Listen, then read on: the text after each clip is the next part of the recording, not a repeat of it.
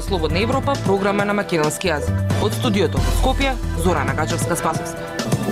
Почитувани, ја следите емисијата на Радио Слободна Европа Во неа објавуваме. Промената на пасошите со ново име на државата ќе ги чини македонските граѓани над 32 милиони евра. Министерството за образование тврди, учениците годинава навреме ќе ги добијат свеителствата. Лидерите на најголемите седум светски сили за прв пат разговараа за потреба од регулатива за вештачката интелигенција. Најмалку 32 милиони евра од джебот на македонските граѓани ќе се слеат во државната каса со замената на веќе важечките пасоши поради крајниот рок од преспанскиот договор за смена на името, покажуваат пресметката што ја направи Радио Слободна Европа. Народниот правобранител Насер Зибери со критики до власта дека во договорот со Грција не ги земала предвид трошоците кои сега одат на терет на граѓаните. Анализата ја подготви Владимир Калински. Министерството за внатрешни работи до 12 февруари 2024 година треба да издаде околу 1 милион пасоши со новото име на државата Република Северна Македонија. На овој датум истекува петгодишниот рок за промена на личните документи утврден со преспанскиот договор со Грција во 2018 година.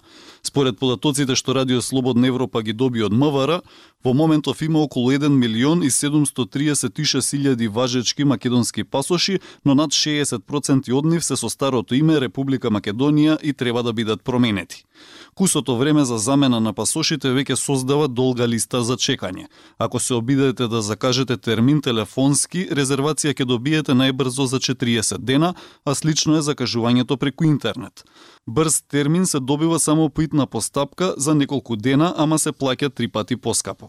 Граѓаните негодуваат што повторно ќе треба да плаќаат за промена на личните документи на кои се уште не име истечен рокот на важноста.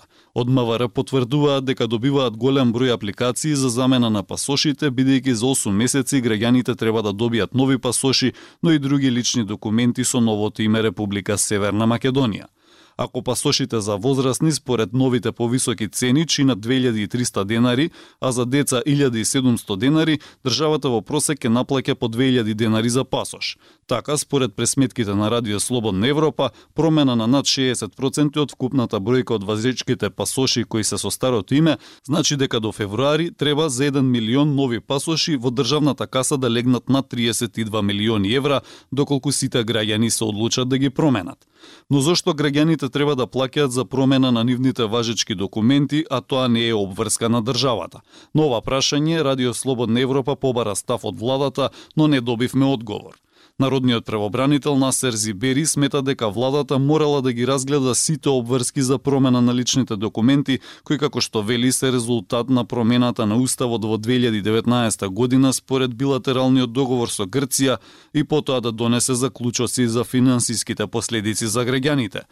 Бидејќи личната карта е законска обврска за секој граѓанин, за Зибери праведно решение би било барем тоа државата да го субвенционира но бидејќи владата се иззема од овие финансиски импликации, после изгледа таа и не се занимавала со ова прашање. Имено владата во име на граѓаните ја подпиша спогодбата, а потоа и собранието како представнички дом на граѓаните со закон ја ратификуваше истата, а потоа и го смени уставот, со што произлези обврската од согласување на личните исправи на граѓаните со претходните донесени одлуки. Затоа сметам дека владата требаше да расправа и донесе соодветни заклучоци за тоа дали е исправно и правично трошоците предизвикани од овие одлуки да одат на терет на граѓаните. Велизи Бери за Радио Слободна Европа. Слободна Европа. Следете на на Facebook, Twitter и YouTube.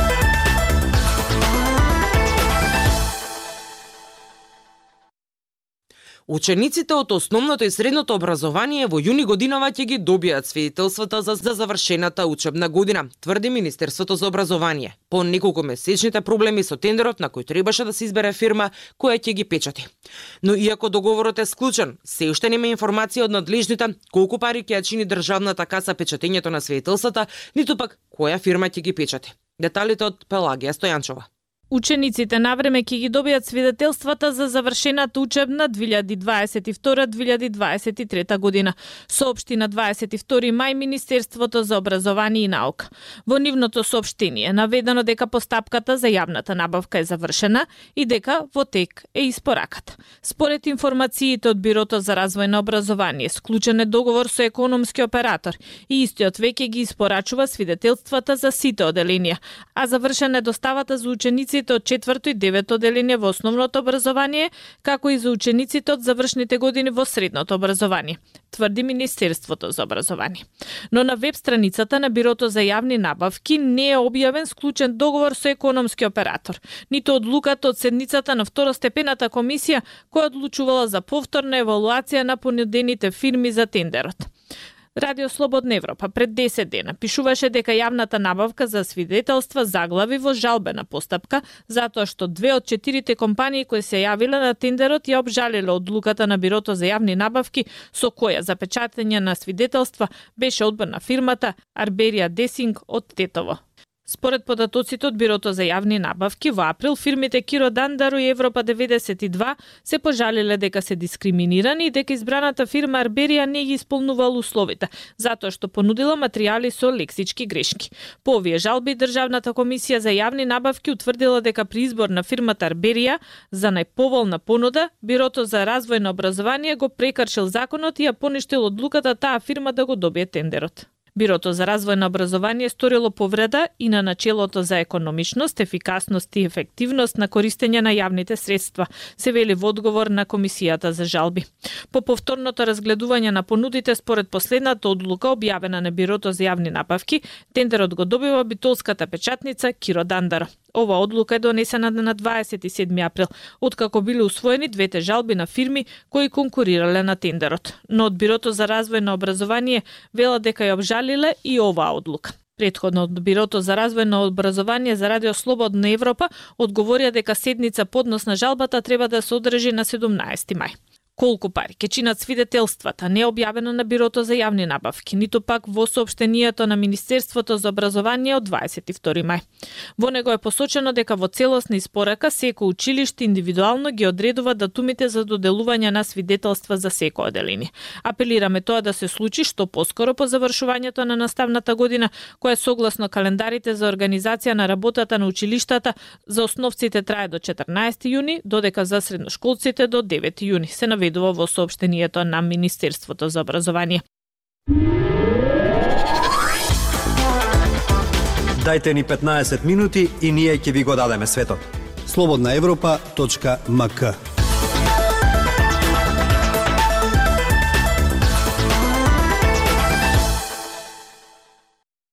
Многу млади спијат со телефонот до глава за случајно да не пропуштат нешто и да бидат аут наместо ин.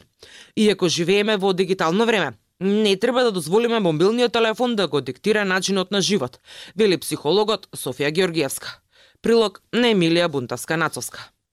11 годишната керка на скопјанецот Сашо поминува најмалку 3 часа дневно со телефонот во рака. Контрола имаме на што гледам, но на некои видеа има реклами кај што не можеш да исконтролираш кога ќе се појават и што ќе предизвикат кај них. Од тоа реално и навеќе пратено. Вели Сашо. За да ја тргнат од мобилниот, вели минуваат што повеќе време во природа со прошетки и спорт, а оди и на јога. Според таткото, што повеќе дружби со повеќе деца, тоа помалку ќе им текнува на децата дека телефонот постои, а повеќе контакти со други деца значат и поголема свесност дека другите постојат. На филозофскиот факултет во Скопје неодамна се дискутираше за влијанието на социјалните медиуми врз менталното здравје на младите. Модераторката на настанот, професорката и психолог Софија Георги Георгиевска вели дека социјалните мрежи не само што влијаат врз чувството на осаменост кај младите, туку и во голема мера влијаат врз негативната слика за себе поради споредувањето со другите. А ако нема редовен контакт со другите во живо, очекувано е некој да се чувствува сам и тажен, вели таа. Младите можна да добро владеат со технологијата, меѓутоа она што треба да го научат е да навистина не бидат тие робови на технологијата, туку технологијата треба да не служи нас како да речам средство или може би ако се изразам со меслинг български јазик, технологијата треба да биде нашиот роб. Изјави Георгиевска. Потребата да се биде ин и вклучен го зголемува времето поминато на социјалните медиуми, вели професорката. Па така младите спијат со телефонот до глава за случајно да не пропуштат некаква информација и да не не се во тек или да не не одговорат веднаш. Во просек поминуваат меѓу 4 и 8 часа дневно на социјалните медиуми, што е еднакво на една третина од денот, посочува професорката. Иако во онлайн светот има многу корисни информации, во се треба да се има граница, советува таа.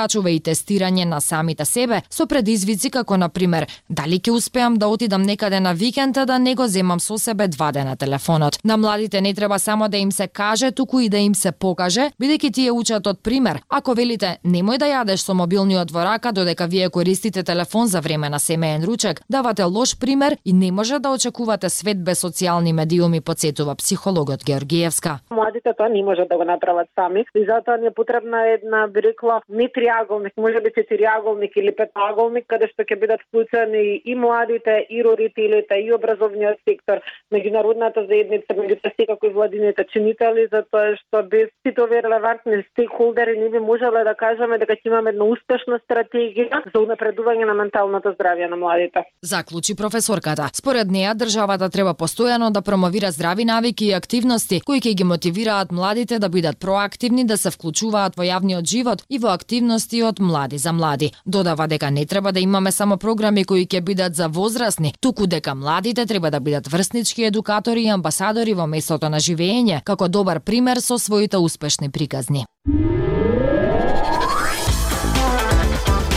Бидете наш гостин и посетете ја. Слободнаевропа.мк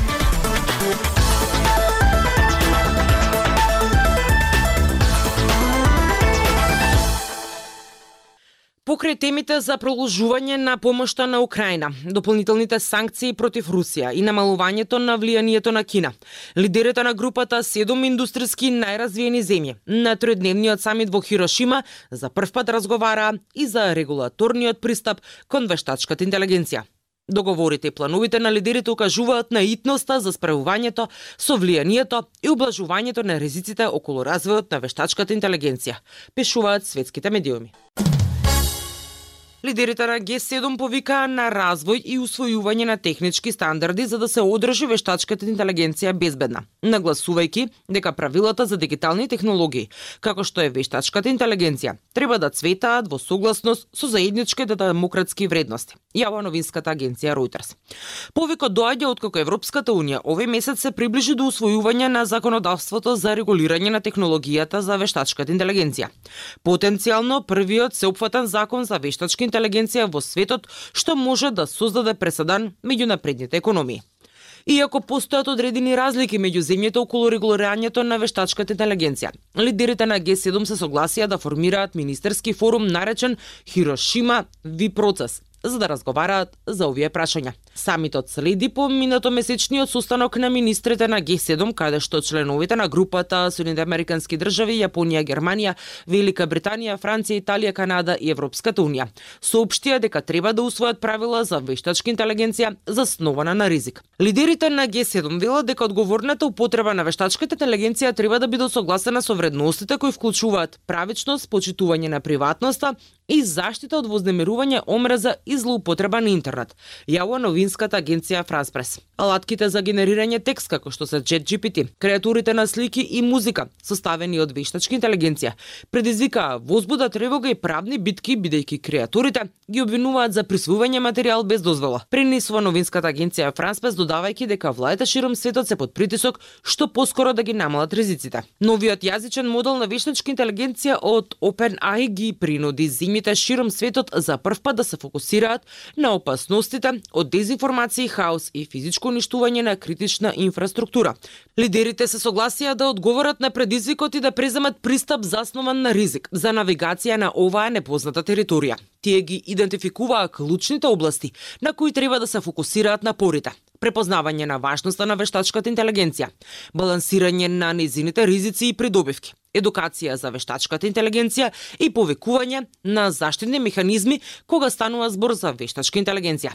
За да се обезбеди одговорна и безбедна употреба на генеративната вештачка интелигенција, експертите веруваат дека е од клучно значење да се има сеопфатна регулаторна рамка која ги опфаќа приватноста, безбедноста и етиката, која ќе обезбеди јасни упатства и за развивачите и за корисниците на технологијата за вештачка интелигенција. Тоа беше се што ви подготвивме за оваа емисија. Со вас од студиото во Скопје беа Зора Нагажевска Спасовска и Диана